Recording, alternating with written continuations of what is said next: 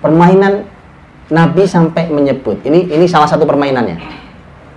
Ini saya tunjukkan dua permainan. Ini permainannya anak muda. Ya ini permainan anak muda. Ini dalam teks nas lisan Nabi SAW ini Nabi yang sampaikan langsung.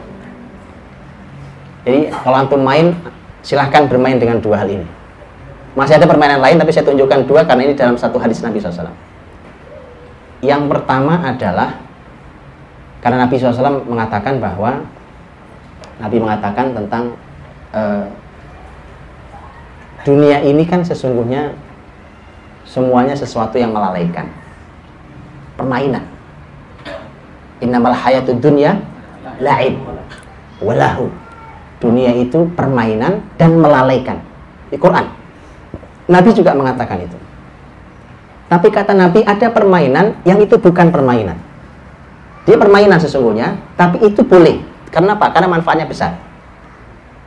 Ini saya mau sampaikan nih. Jadi kalau waktu saya habis, saya tutup dengan dua ini. Waktu habis, saya tutup ini. Yang pertama kata Nabi, seseorang bermain dengan kudanya. Seseorang bermain dengan kudanya. Berkuda, berkuda. Hari, hari ini Alhamdulillah sudah mulai banyak yang mengenalkan kuda kembali. Ya, tapi kalau perempuan ya boleh juga perempuan naik kuda sebenarnya, tapi perempuan hati-hati. Ya karena dulu zaman kalau di Arab dulu perempuan naiknya onta. Tapi tidak naik itu, naik di atas haudaj, di atas apa namanya rumah-rumahan di atas onta itu. Maksud saya adalah jadi karena kalau bicara saya saya kemarin habis habis nunggang, nunggang kuda kemarin hari sebelum saya kembali kita hari ini tadi kemarin hari eh, hari Kamis. Uh, saya ngobrol banyak naik kuda saya ngobrol banyak dengan pelatihnya.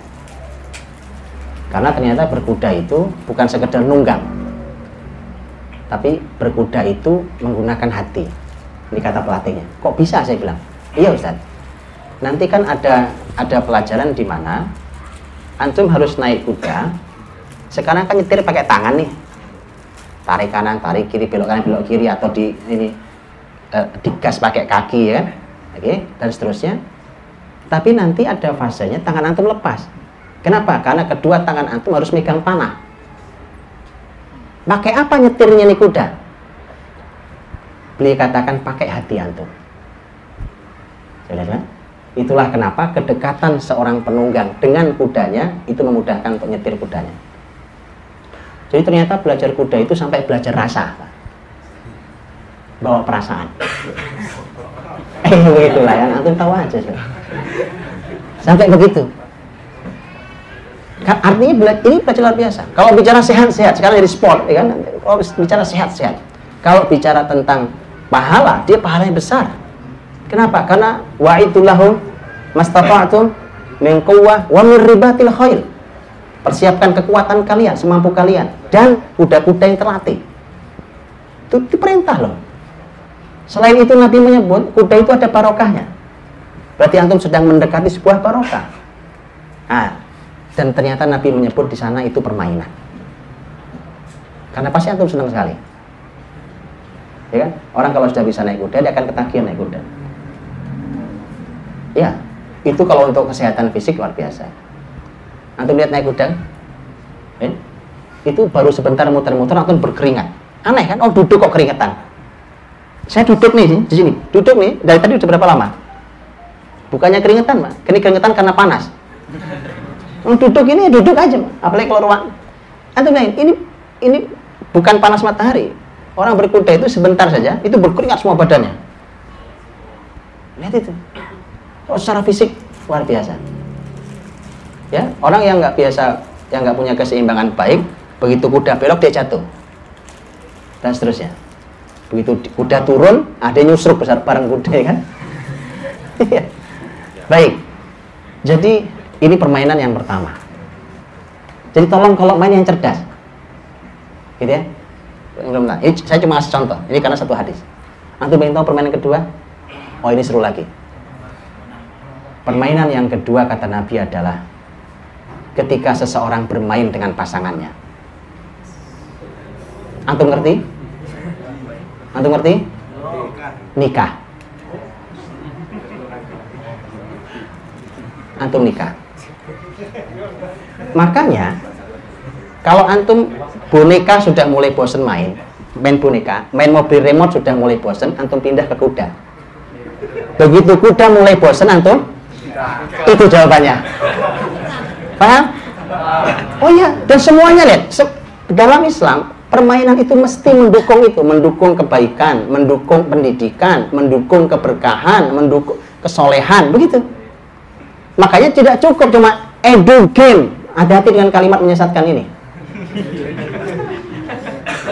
Karena ini semua kita disuguhi mainan yang sebenarnya cuma mainan. Kemudian dikasih stempel edu.